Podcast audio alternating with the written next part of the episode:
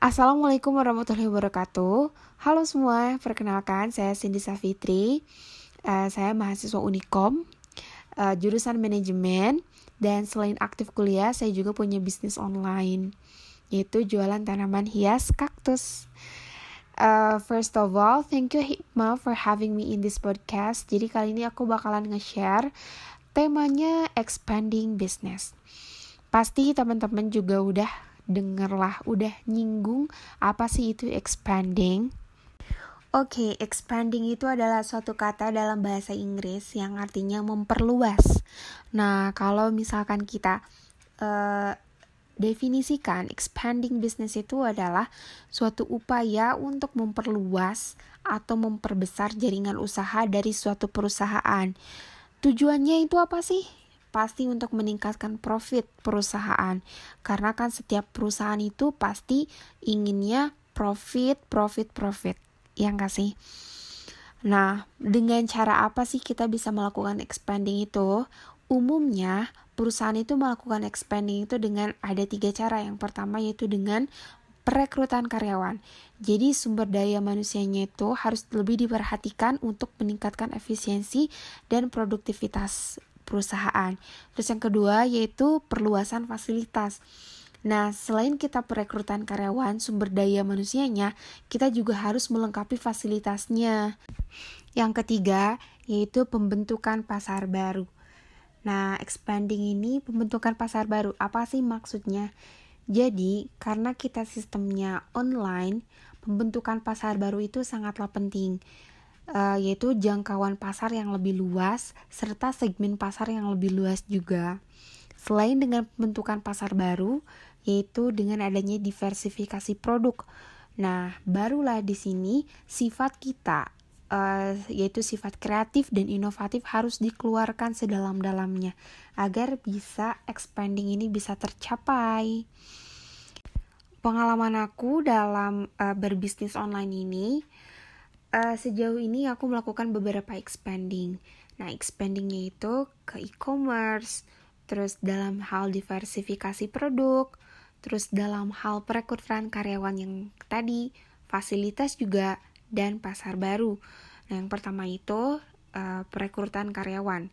Di sini kan aku sebelumnya uh, bertugas untuk admin yang balesin chat juga, terus yang prepare order, yang packing. Karena sebelumnya aku tuh kayak kurang trust ke orang lain buat ngerjain sesuatu hal yang belum orang lain coba. Itu salah satu kekurangan aku. Nah karena dengan uh, menambahnya jumlah permintaan terus pelanggannya banyak akhirnya aku coba rekrut karyawan dan ternyata lebih efektif dan efisien gitu. Nah di sini saya tugasnya itu untuk uh, building trust ke para customer dengan cara marketing Nah, marketing juga itu merupakan salah satu expanding business loh. Misalnya yang sebelumnya marketingnya cuman uh, post aja di IG.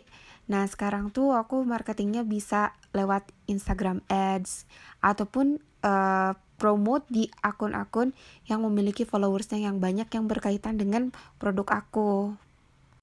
Dan alhamdulillah itu worth it banget karena salah satu kunci dalam berbisnis online itu adalah untuk building trust dulu.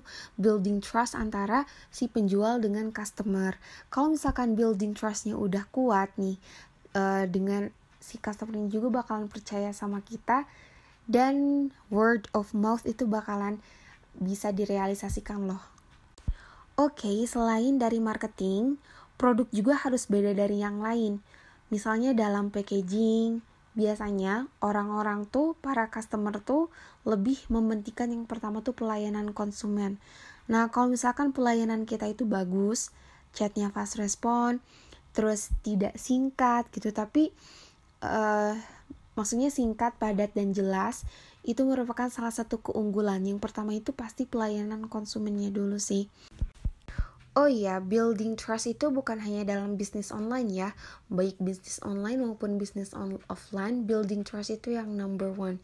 Jadi biar customer itu percaya, gimana sih caranya biar customer itu percaya gitu. Oh iya, tips untuk melakukan expanding business itu, yang pertama tips dari aku, uh, kalau misalkan teman-teman belum punya bisnis yang berkembang, fokus dulu aja pada satu bisnis yang sedang kalian tekunin sekarang. Jangan karena kalian bosan sama bisnis yang kalian sedang tekunin itu, ah aku mau cari bisnis yang lain nih karena kayaknya ini gak laku.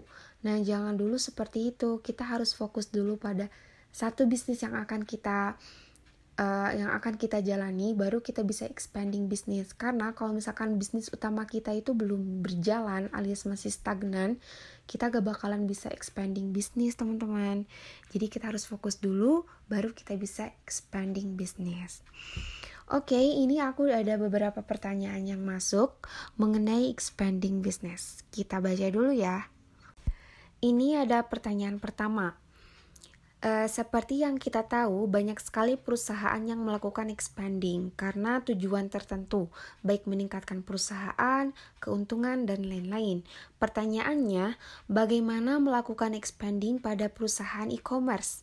Terlebih di zaman sekarang, banyak dunia e-commerce. Apa saja yang harus diperhatikan dan keuntungan yang didapat dari e-commerce ini, dan dibanding dengan perusahaan yang lain? Oke, okay, such a good question. Uh, jadi e-commerce itu banyak memberikan pengaruh ya di dunia marketing.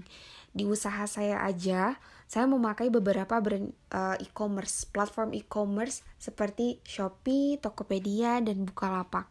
Karena dengan e-commerce itu uh, kita memiliki banyak benefit dan kemudahan yang luar biasa gitu dibandingkan yang konvensional. Kenapa kita harus expanding ke e-commerce? Karena teman-teman, kalau misalkan untuk cek ongkir itu kita nggak usah cek ongkir lagi, sudah otomatis. Terus kita nggak usah uh, nimbang-nimbang berat produk kita karena kita tinggal input berat uh, produk kita pertamanya, terus pas check out itu udah dikalkulasiin sama pihak e-commerce-nya. Terus gratis juga. Terus di situ banyak tips-tips biar kita uh, bisa engage dengan customernya itu gimana terus kita biar biar bisa produk kita tuh di top itu banyak sekali teman-teman. Jadi kita bisa memanfaatkan fitur-fitur e-commerce itu sebagai marketing dan sebagai salah satu expanding yang terbaik. Terus biaya iklan di e-commerce itu sangatlah murah. Dan uh, kita bisa set mau dilihat sama berapa ribu orang dan targetnya tuh kita bisa nargetin sendiri. Itu such an amazing feature yang e-commerce berikan. Jadi teman-teman wajib banget buat expanding ke e-commerce. Oh ya keuntungannya dari e-commerce itu yang pertama satu kita nggak usah cek ongkir. Kita tinggal uh, memudahkan untuk input barang terus bisa memasarkan dengan gratis juga terus kita bisa engage kita bisa set segmen pasar yang kita mau. Dan juga kita bisa berkesempatan untuk masuk uh, top top seller yaitu kita bisa daftarkan toko kita buat ikutan flash sale. Terus toko kita bisa berbasis yang gratis ongkir, pokoknya banyak banget expandingnya sehingga kalau misalkan kita udah terdaftar dalam fitur-fitur tersebut, building trust customer itu bakalan naik signifikan. Oke, masuk ke pertanyaan kedua. Tahapan apa saja yang harus kita lakukan dalam mengembangkan bisnis? Maksudnya di sini expanding bisnis ya. Oke, nah dalam bisnis saya tuh punya prinsip pada 20 30 50 yaitu 20% skill, 30% manajemen, dan 50% psikologi. Itu berhubungan dengan emosional. Dari segi skill, saya harus menaruh porsi dengan selalu update ilmu-ilmu yang berhubungan dengan marketing dan keuangan. Gampang kok, kan sekarang ada teknologi yang namanya Google, Instagram, Facebook, dan lain-lain. Paling gampangnya sih kita melihat pengalaman orang-orang dalam berbisnis di platform-platform tersebut sebagai referensi. Tentunya, ilmu-ilmu yang ada harus kita coba praktekkan. Gabungan antara ilmu dan praktik inilah yang disebut dengan skill. Kita harus berani mencoba-coba skill gitu agar kita bisa mengembangkan bisnis. Jadi, theory and theory and experiment is must be balanced.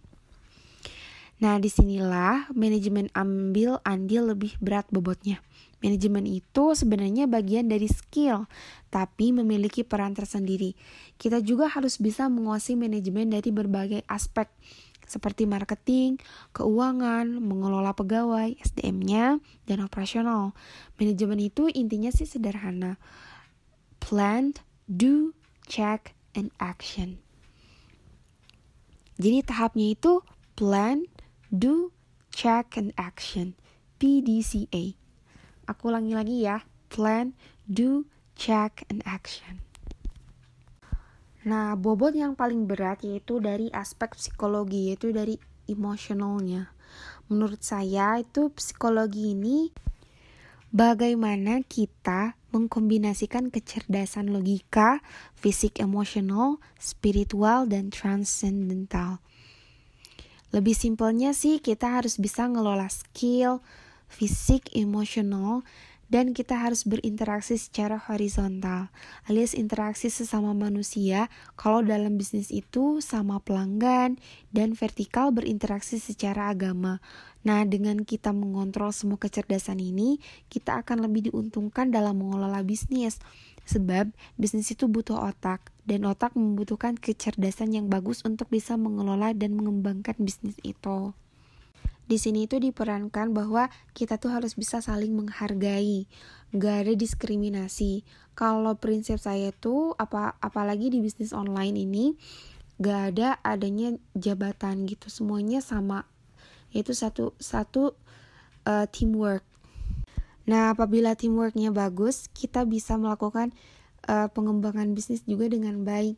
Soalnya salah satu sama lain satu sama lain itu saling terkoordinasi dan sudah dapat desknya masing-masing. Oke, okay, masuk ke pertanyaan terakhir. Hal yang perlu diperhatikan sebelum melakukan expanding. Uh, yang paling penting itu yang harus diperhatikan dalam melakukan expanding itu adalah persiapan. Tadi kan udah disinggung ya.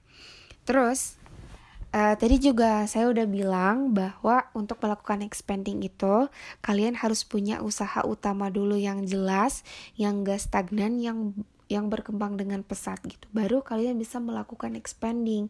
Kalau misalkan uh, teman-teman punya satu perusahaan yang belum berkembang, kita expandingnya itu dalam diversifikasi produk alias mengembangkan produk diversifikasi produk itu adalah kita mengembangkan berbagai ma berbagai macam produk gitu. Jadi kita jangan uh, ke expanding dulu, tapi lebih kita fokus dalam satu perusahaan yang kita kelola supaya bisnis yang kita lakukan ini dapat berkembang. Kalau teman-teman udah punya bisnis utamanya yang baik, yang udah um, meraih profit tinggi, terus udah lancar, baru kita bisa expanding. Tipsnya yaitu yang pertama pasti persiapan. Terus yang kedua, apakah kita akan expandingnya ke produk yang lain atau kita akan mengembangkan produk yang sudah ada? Kalau misalkan kita mengembangkan produk yang sudah ada, berarti kita harus mengeluarkan inovasi dan kreativitas kita sedalam-dalamnya kayak tadi. Misalnya contohnya nih, produk saya kan kaktus. Kalau kaktus kan kayak buat dekorasi aja. Nah, saya kalau mau expanding dalam produk yang sama, aku uh, saya tuh pengen dibuatin hampers. Jadi kaktus itu dijadikan sebagai hampers dan buat gift juga terus bisa dijadikan hampers untuk acara-acara besar kayak lebaran, Natal, tahun baru Cina dan sebagainya. Tapi kalau misalkan saya mau expanding ke uh, produk yang lain, yaitu produk makanan, itu bisa saja asalkan si bisnis utamanya itu udah lancar dan uh, dan stabil baru bisa expanding bisnis. Oke teman-teman, segitu dulu podcast dari saya. Semoga podcast ini bermanfaat dan kalau misalkan ada salah-salah kata, maaf banget karena kita masih belajar dan sharing juga. Oh ya, ada beberapa tips dari aku kalau teman-teman uh, sekarang tuh lagi merintis usaha harus fokus dan jangan terpengaruh oleh pesaing. Kita harus fokus dulu karena bayangin aja di Indonesia itu ada 250 juta orang. Pasti kita adalah salah satu customer yang nyantol gitu ya ke kita. And don't ever give up dan jangan pernah malas, harus terus belajar, jangan pernah merasa diri kita yang paling benar, harus harus menerima masukan dari orang lain. Walaupun misalnya mereka tuh lebih muda dari kita ataupun lebih lebih tua dari kita ataupun lebih berpengalaman ataupun yang belum pernah berpengalaman. Kita harus bisa menerima masukan, kritik, dan saran. Jangan merasa diri kita yang paling benar. Oke, okay, see you in this podcast. I'm so sorry if I have a lot of mistaken. Bye bye. Assalamualaikum